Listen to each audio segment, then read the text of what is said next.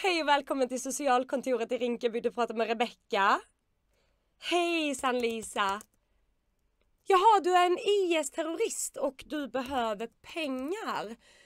Mm, men varför vill du inte stanna kvar i landet som du drömde om? Jaha, nej, det fanns inga bidrag där. Nej, det är såklart inte så kul. Uh, men vad tänker du nu att eh, svenskarna ska betala för dig nu då eller? Uh... Ah, just det ja. Ja, såklart. Ja, nej men tyvärr, jag tror inte att de vill det faktiskt. Men det jag kan erbjuda dig här ser jag på skärmen är en enkelbiljett tillbaka till Syrien. Vad tycker du om det? Okej, okay. lycka till med ditt jihad. Ja, tack Lisa. Hej och välkommen till socialkontoret i Rinkeby. Du pratar med Rebecka. Hejsan Shukri. Du har varit här i åtta år och inte jobbat. Hur kommer det sig? Jaha, du kan inte det svenska språket. Men du har ju varit här i åtta år. Borde du inte ha lärt dig språket? Vad har du egentligen gjort under dessa år, åtta år? Jaha, du har fött tre barn. Men vänta lite nu. Det står här att du redan kommit hit med tre barn. Uh, så istället för att skaffa dig en utbildning och jobb så valde du att skaffa tre barn till och leva på svenskarnas arbete.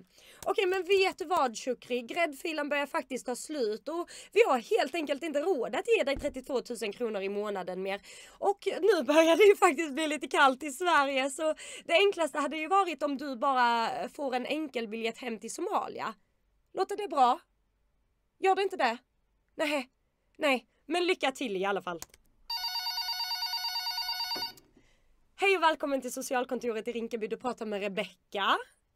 Hejsan Hassan! Vänta, vänta lite nu. Lugn nu Hassan, du behöver inte skrika. Vad är det som har hänt? Är du utbränd? Men du har ju inte jobbat en dag i ditt liv.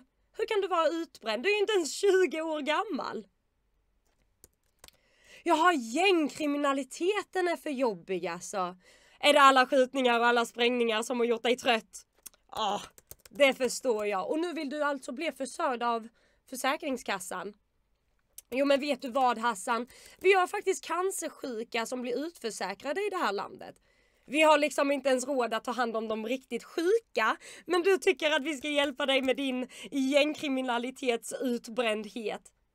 Hassan, snälla sluta skrik. Jag har en lösning. Självklart. Vi på socialkontoret har en lösning till dig. Du kan vila hela flygresan tillbaka till ditt hemland. Bon voyage Hassan!